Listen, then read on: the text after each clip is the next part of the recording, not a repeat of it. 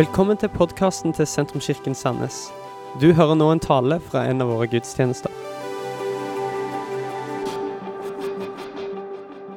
Så bra. Mitt navn er Marie for de som ikke kjenner meg. Og sammen med min mann Jason så leder vi forsamlingen vår i Stavanger. Men det er en stor, stor glede å være i Sandnes, godbyen, i dag.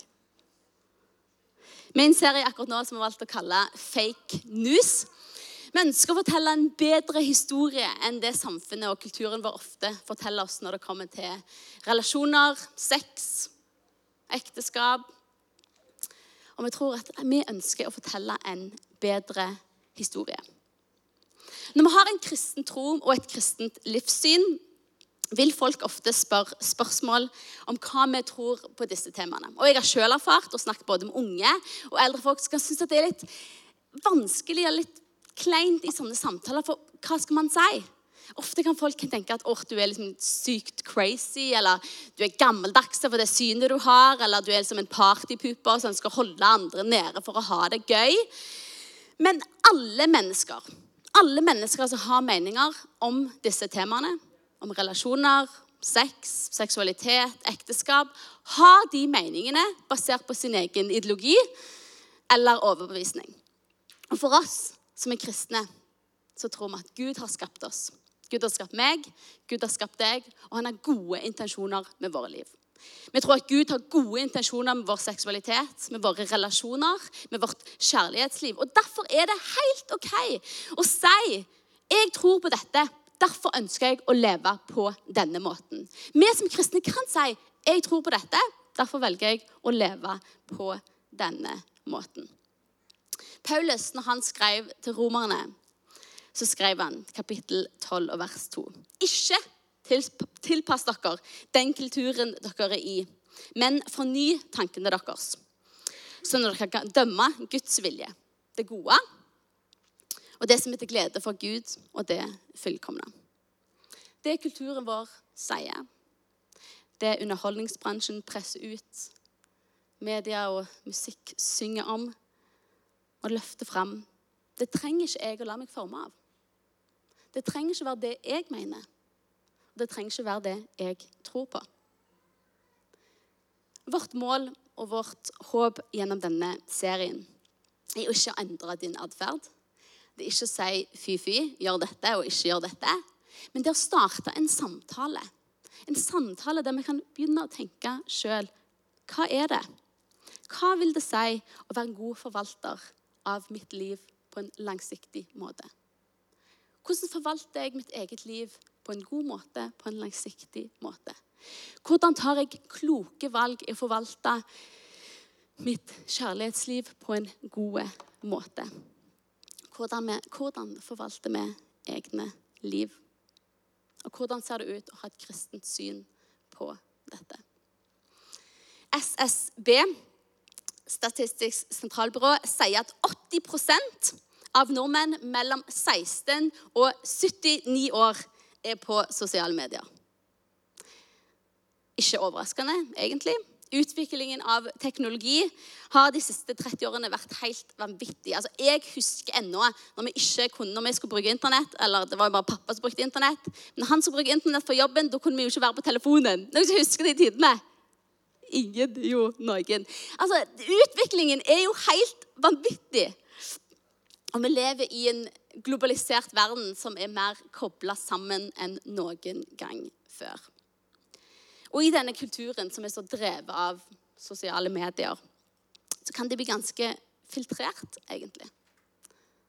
Vi passer på at det vi legger ut, det vi poster, det sier akkurat det vi ønsker at det skal si. Vi legger på filter for å se ut på en måte som vi ønsker at vi skal se ut på. Og vi forteller det vi ønsker at du skal vite. Vi forteller det vi vil at folk skal se.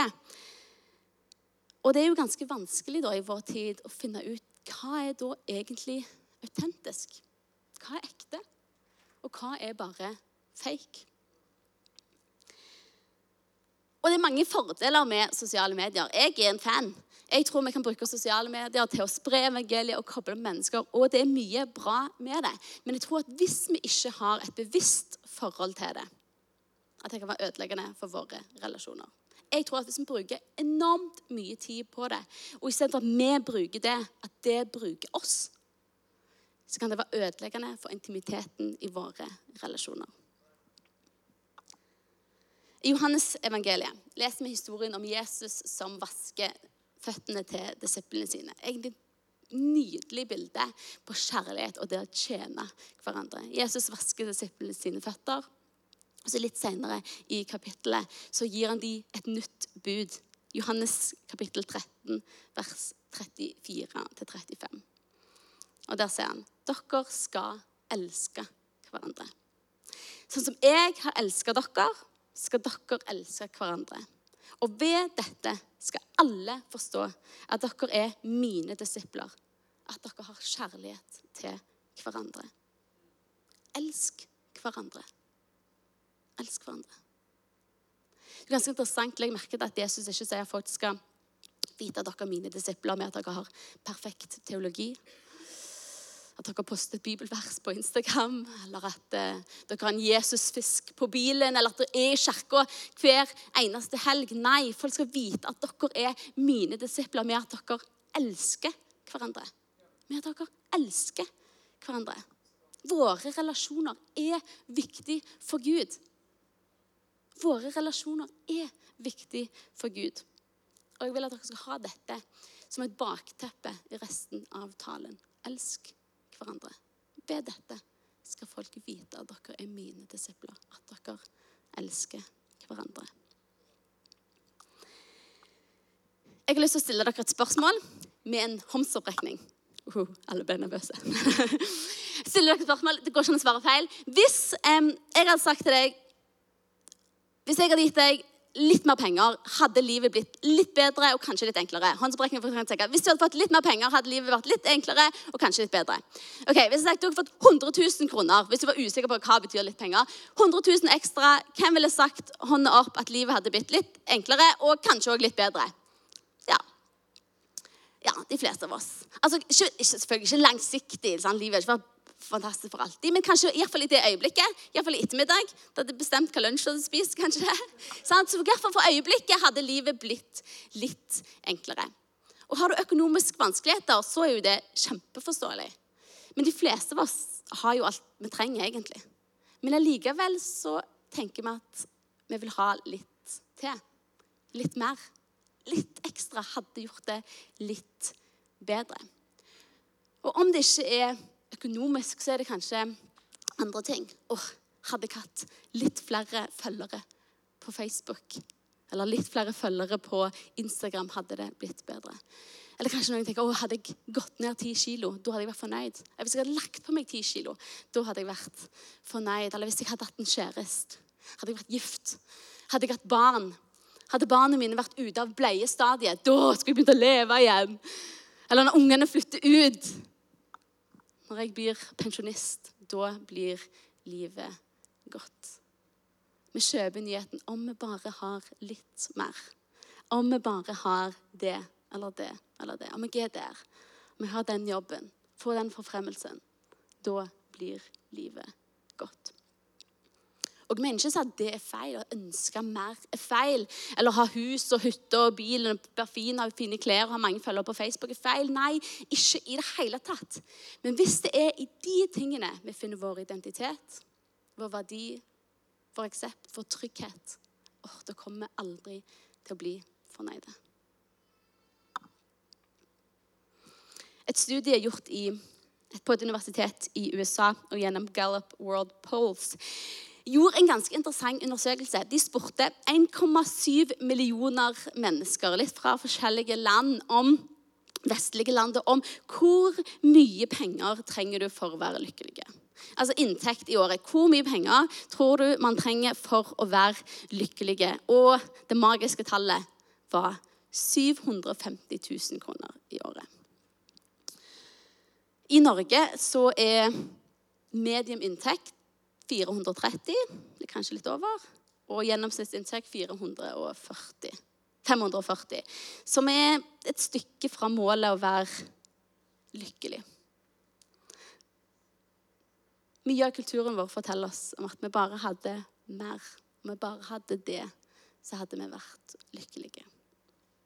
En trend i sosiale medier som er blitt veldig populært, spesielt i Russland og i Asia, det er å leie fine hus, fine biler. Vet ikke om dere kanskje har fått med deg det. Leie private fly bare for en time eller to, så du kan gå inn i flyet. Du kan liksom snappe bilder av deg sjøl og late som å, jeg er på vei eh, på ferie med private jet. altså, Det er jo helt crazy. Man søker etter noe, man lengter etter noe som er urealistisk, og som er helt fake.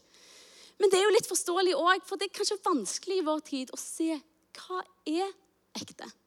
Hva er autentisk? Teknologi og sosiale medier og hva effekt det har på våre relasjoner, er et tema jeg syns er utrolig interessant. Og det, vi finner ennå ut av hva er det egentlig som skjer. Hva effekt har det på våre relasjoner? Og det er både positive og negative effekter. Jeg har ikke tid til å snakke om alle, men jeg har lyst til å si tre ting. Ta opp tre ting som har endra seg i våre relasjoner pga. sosiale medier. Og Det første er at begrepet venn har utvikla seg. Begrepet venn har utvikla seg. Før var en venn noen som du gjorde livet sammen med. Noen som kjente deg, noen du var sammen med. Men nå kan en venn være en person du aldri har møtt. Du aldri har møtt ansikt til ansikt, men en som bare følger deg på sosiale medier. Statistikk fra, eh, statistikk fra USA sier at den vanlige Facebook-brukeren gjennomsnittlig har 150 venner. Men i en krise så er det kun fire av de vennene man kunne tatt kontakt med. Venn har forandra seg. Hva venn betyr, begrepet venn, har forandra seg. Den andre tingen er at vi blir avhengige av umiddelbar bekreftelse. Hvis jeg føler meg ensom, hvis jeg føler meg alene og jeg trenger litt oppmerksomhet, så er det bare å ta fram mobilen. Sant? Snappe et, eh, ta et selfie. Skal vi se. Jeg har til og med sånn på mobilen, så du gjør det enklere. Eh, ta et bilde. Det var ikke bra. Det var ikke bra. Ta dette. Og så legger du ut. Og så ja, kan jeg komme tilbake kanskje et minutt senere. Så har du en like eller en kommentar eller Du får bekreftelse med en gang. Umiddelbar bekreftelse. Vi tenker å, legg ut et bilde, snapp et bilde av seg sjøl, eller legg et bilde på Instagram.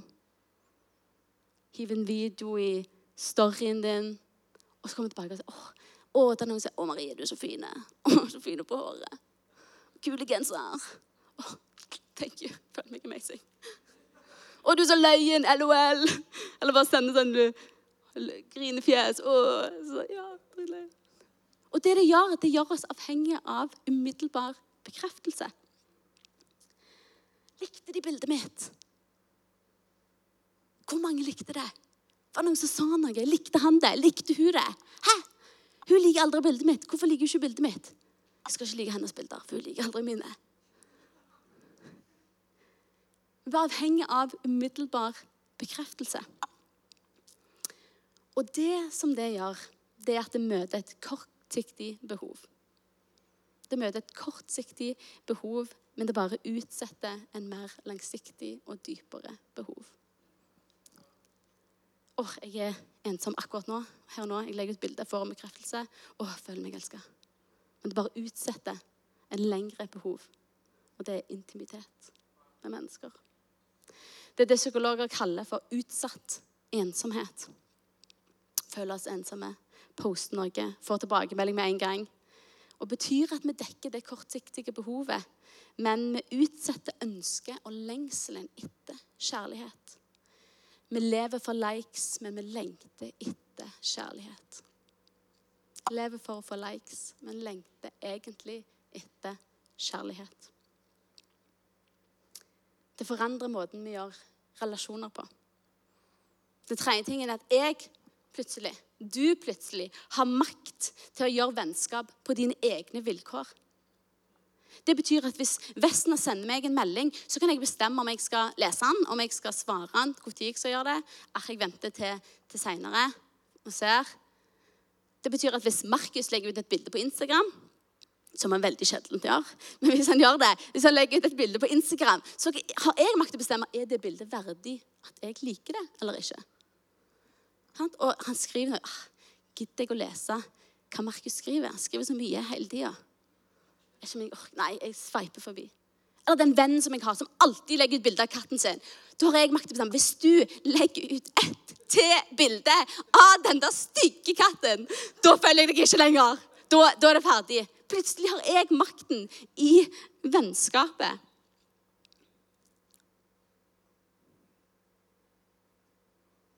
Jeg kan bestemme. Jeg har kontroll over dette vennskapet. Og jeg bestemmer òg hva du ser av meg. Jeg bestemmer hva jeg velger å ville dele fra livet mitt. Jeg forteller deg kun det jeg vil at du skal vite. Og jeg kan sjøl velge om jeg vil svare deg eller ikke. Plutselig ser vi at vilkårene for vennskap har begynt å forandre seg. En studieundersøkelse fra Folkeuniversitetet viser at én av tre studenter er ensomme. Én av seks studenter føler seg isolert. Studietiden er jo kanskje en av de tidene man ser tilbake og tenker at der var man så enormt sosial. Men det viser at folk er utrolig ensomme. Teknologien gjør oss mer sammenkobla enn noen gang før, men allikevel så er vi mer ensomme. Hebreabrevet kapittel 10 vers 24-25 sier La oss ha omtanke for hverandre. Så vi oppgløder eller oppmuntrer hverandre til kjærlighet og gode gjerninger. La oss ikke holde oss borte når menigheten vår samles, som noen av oss har som vane. Men la oss heller oppmuntre hverandre, og det er så mye mer som dere ser at dagen nærmer seg. Jeg ønsker å slå et slag i dag for tilstedeværelse. For det å være til stede. For jeg tror det er kraft i tilstedeværelse. Bare tenk hvordan viste Gud sin kjærlighet til oss? Hvordan viste Gud sin kjærlighet til oss? Han sto ikke fra himmelen og ropte 'Jeg elsker dere!' Skrev det på himmelen 'Elsker dere!' Nei. Gud viste det på jorda. Han ble menneske. Han kom nær. Han var til stede. Han gikk med mennesker, spiste med mennesker, lagde mat, fiska. Han var til stede.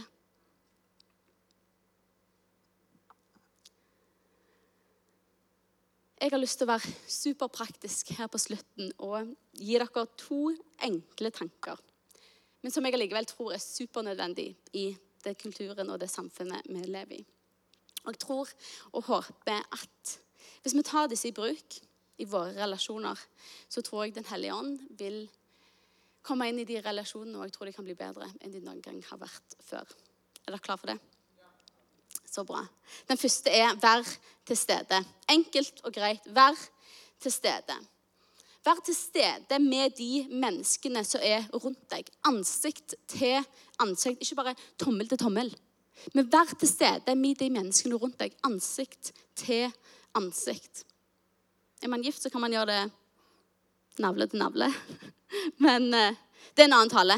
Og hvis du ikke var i siste uke, så kan du høre på podkast fra Reven. Så snakket om det. Det var bra. Men la oss elske mennesker ansikt til ansikt. Sånn som jeg har elska dere, skal dere elske hverandre. La oss ta dette eksempelet. For eksempel. Si du har um, noen i livet ditt som går gjennom en vanskelig tid. Kanskje de er syke, kanskje de har mista jobben sin. Eh, kanskje det er en krise som har skjedd, eller um, kanskje de har mista noen nær til seg. Hva er en akseptabel måte å vise kjærlighet til den personen?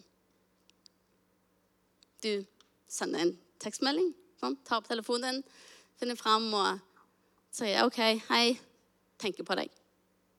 By the way, å tenke på noen, det gjør lite godt. Mm, sitter og tenker på deg. Men du skriver kanskje OK, jeg tenker på deg og ber for deg. ok? Jeg tenker på deg og ber for deg. Send. Det er en akseptabel måte å vise kjærlighet på. Men vi er kristne, tror på Gud. Vi skal elske hverandre. La oss ta det ett steg opp. Andre tingen du kan gjøre med den tingen, det er faktisk å ringe til noen. Mange som ikke gjør det den dagen. Men det går an å slå inn nummeret og ringe og faktisk snakke til personen over telefonen. Da, kan jeg ikke bare si at jeg ber for deg, men jeg kan faktisk be for deg over telefonen. Da kan jeg snakke med deg, høre hva du har å si. Du kan fortelle meg hvordan du faktisk har det. Du kan si til meg om det er noe du trenger at jeg gjør for deg. Eller hva vi tar det ett steg opp, da. En annen ting, Vi kan faktisk gå på besøk til dem. Vi kan gå på besøk til personer som vi vet har det vondt eller vet har det vanskelig, eller vet går gjennom noe. Og så kan vi sitte med dem ansikt til ansikt. Jeg kan være der. Og så kan jeg ikke bare be for dem, men jeg kan be med dem. Vi kan være sammen med dem. Det er noe kraftfullt i det å være til stede. Tilstedeværelse, det er noe kraftfullt i det. Jeg fikk selv oppleve dette ganske eh, i høst. Jeg ble ganske syk veldig fort, ble innlagt på sykehuset. Og sendte melding til mine aller nærmeste og sa ja, situasjonen. Og så får jeg liksom noen som ringer meg med en gang. Passer ikke at jeg tok telefonen akkurat da, så jeg kunne ikke ta den. Så fikk jeg en melding. 'Hvor er du? Jeg kommer.' Men så sånn, wow. Og jeg var sånn Nei, OK, det passet ikke. Jeg kunne ikke ha besøk akkurat da. Eh, så det var sånn Nei, det, jeg, kan, jeg, kan, ikke ha besøk til denne avdelingen, bla, bla, bla. Så det går fint. Og så kom jeg hjem, hjem fra sykehuset senere den natten. Og dagen etterpå fikk jeg besøk av de som jeg hadde sendt melding til. Og De neste tre dagene så fikk jeg besøk av folk som kom med blomster eller sjokolade. Eller bare, bare var der. Snakket med meg, ba med meg. Og jeg tror så ofte at vi er så redde for å være med folk eller komme til folk. snakke med folk, Vi er redde for hva skal vi si. For ofte i vanskelige situasjoner så har vi ikke mye Vi føler ikke vi har så mye å komme med. Hva skal jeg si, og hva skal jeg si feil ting? Hvis jeg ikke vet hva jeg skal si? Hva hvis jeg har det vanskelig, og de spør meg om råd, men jeg vet ikke, hva, jeg vet ikke, har ikke noen råd å gi? Og Så blir det kanskje at vi er så redde for å komme nær, for vi er så redde for å gjøre feil. Men vet du hva jeg husker fra den situasjonen med de som kom på besøk til meg? Jeg husker ikke et ord av hva de sa til meg. Husker ingenting. Husker ikke om de jeg husker at noen kom med sjokolade, for det liker jeg veldig godt. Men um, jeg husker veldig lite av hva de sa. Jeg husker ingenting. Vet du hva jeg husker? At de var der. At de var til stede. For det er nok å være til stede. La oss være til stede i hverandre sine liv. Det er kraft i å være til stede. Gud er en relasjonell Gud. Og han er skapt først og fremst til å være elska av han. Til å elske ham tilbake, og så elske andre mennesker. Og vi kan elske hverandre på avstand med teknologi, men um, vi kan gjøre så mye mer hvis vi er nær, så vi kommer ansikt til ansikt. Jeg vet ikke hva det betyr for deg. Kanskje det betyr å invitere noen til lunsj. Kanskje det betyr å ringe til den personen du ikke har sett på en stund. Den personen du har prøvd å få kontakt med på sosiale medier eller noe. Kanskje det betyr å invitere noen hjem til deg. Invitere noen med ut på lunsj i dag. Eller kanskje det betyr å legge ned denne av og til. Kanskje er du gift. Kanskje kommer du hjem etter jobb og spiser middag, og så sitter dere på hver sin telefon. Ah, legg den ned. Møt hverandre ansikt til ansikt.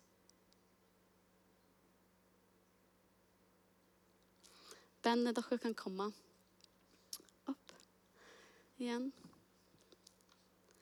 Den andre tingen jeg har lyst til å slå et slag for, det å være engasjert. Vær engasjert med de menneskene rundt deg. Den du står i rommet, vær der med den personen. Den du står og snakker med. Hør på hva de sier. Vær til stede og vær engasjert. Sitter du i et rom med andre, legg bort mobilen. ingenting er verre enn å være på kafé med noen når de liksom Ja, ja, jeg må bare, må bare skrive noe. Bare, når de ikke er til stede. De er liksom hekta på telefonen sin. Vær engasjert. Hver gang mobilen vibrerer, eller at det kommer lyd, så tenker vi hvem er det? Er det en like? Er det noen som sender meg melding? Hva sier de til meg? Hva sier de om meg? Hva er det som skjer? Og det er et nytt engelsk ord som faktisk er lagt til i den engelske ordboken. Det er FOMO. F-O-M-O. Fear of missing out. Frykten for å gå glipp av noe. Den faktiske ting. Man har frykt for å gå glipp av noe. For at man ikke skal få med seg noe som har skjedd. Så må man liksom ha den hele tida. Å, hva, hva er det? Er det noen som ringer meg? Noen som sender meg en melding? Noen som, er det noen som liker bildet mitt? Noen som kommenterer på noe? Vet du hva, Jeg er sikker på at i slutten av livet vil veldig få av oss se tilbake på åh, hvor mange likes hadde jeg? Hvor mange følgere hadde jeg? Hvor bra klarte jeg å få, få min sosiale, min sosiale mediekonto til å se ut? Men jeg tror heller vi kommer til å tenke på den kjærligheten vi fikk gi til andre mennesker. La oss være til stede og engasjert i hverandre sine liv. Vi ønsker alle ekte, autentiske og meningsfulle relasjoner. Vi søker alle etter å være elska, å være likt og være verdsatt. Men vi søker kanskje ofte bekreftelse gjennom likes, gjennom følgere. Vi leter etter kjærlighet på alle de feil plassene. Og vi kjøper tanken om vi bare hadde det, eller om vi bare hadde litt mer, så hadde vi vært lykkelige. Vi blir bombardert fra alle kanter om hva kjærlighet er. Og hvor vi finner vår verdi. Vi swiper gjennom Facebook, swiper gjennom Instagram, swiper gjennom datingapper. Porno har blitt kommet mainstream. Nakne folk på TV er helt normalt. Og mennesker blir objektifisert rett foran øynene våre uten at vi egentlig er klar over det. Og ekte relasjoner er bytta ut med likes og følgere.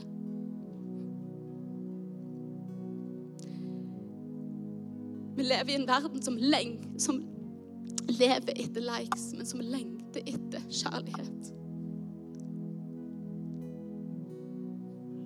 Og vi ønsker alle ekte, autentiske, meningsfulle relasjoner.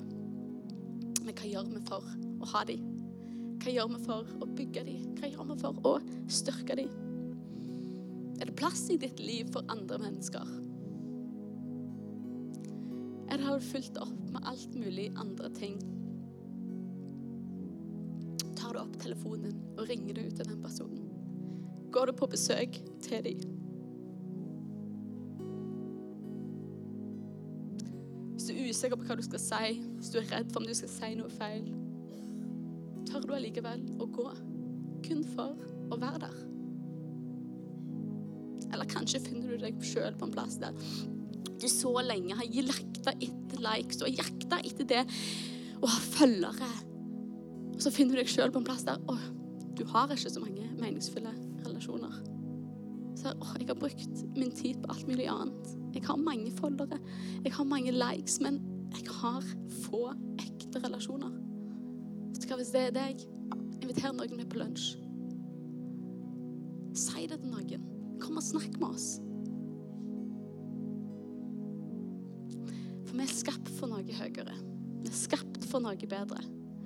Vi er skapt for å bli elska og elske andre. La oss være kirke som verdsetter det Gud verdsetter. La oss være folk som ikke er slaver for våre skjermer, men som er folk som elsker hverandre. La oss ikke erstatte det kraftfulle og det intime og det nydelige med relasjoner som er ansikt til ansikt. Men la oss vise vår kjærlighet til hverandre med at vi er til stede. For når Gud viste sin kjærlighet til oss, så gjorde han ikke det med å rope det fra himmelen, men han kom til jorda. Han var til stede. Gud, vi takker deg for din enorme kjærlighet. Takker deg, Gud, at du elsker oss mer enn vi noen kan, kan fatte og forstå. Og Gud, vi ønsker virkelig å forstå den kjærligheten, få oppleve den kjærligheten mer og mer. Gud, vi ønsker å være folk etter ditt hjerte. Vi ønsker å leve våre liv som du ønsker at vi skal leve det, Gud. Jeg ber at um, vi skal se mennesker som du ser dem. Elske dem som du elsker dem. Som du har elsket oss. Sånn ønsker vi å elske hverandre. Hjelp oss bygge meningsfulle, dype, autentiske relasjoner. Hjelp oss ta bort masken, fjerne filter og være ekte med hverandre. Gud, jeg ber for mennesker her inne som kanskje sliter, og som føler at de ikke har relasjoner i livene sine. Ber Gud at du skal hjelpe dem. Hjelpe dem nå ut. Hjelpe dem ta kontakt. Gi dem frimodighet og gi dem styrke. Gud, vi ønsker å se hverandre ansikt til ansikt. Dele liv sammen. Hjelp oss, Hellige Ånd. Ber at du skal tale til oss akkurat nå. Hjelp oss bygge relasjoner som varer. I Jesu navn. Amen. Dette var slutten på denne talen. Håper du har blitt inspirert.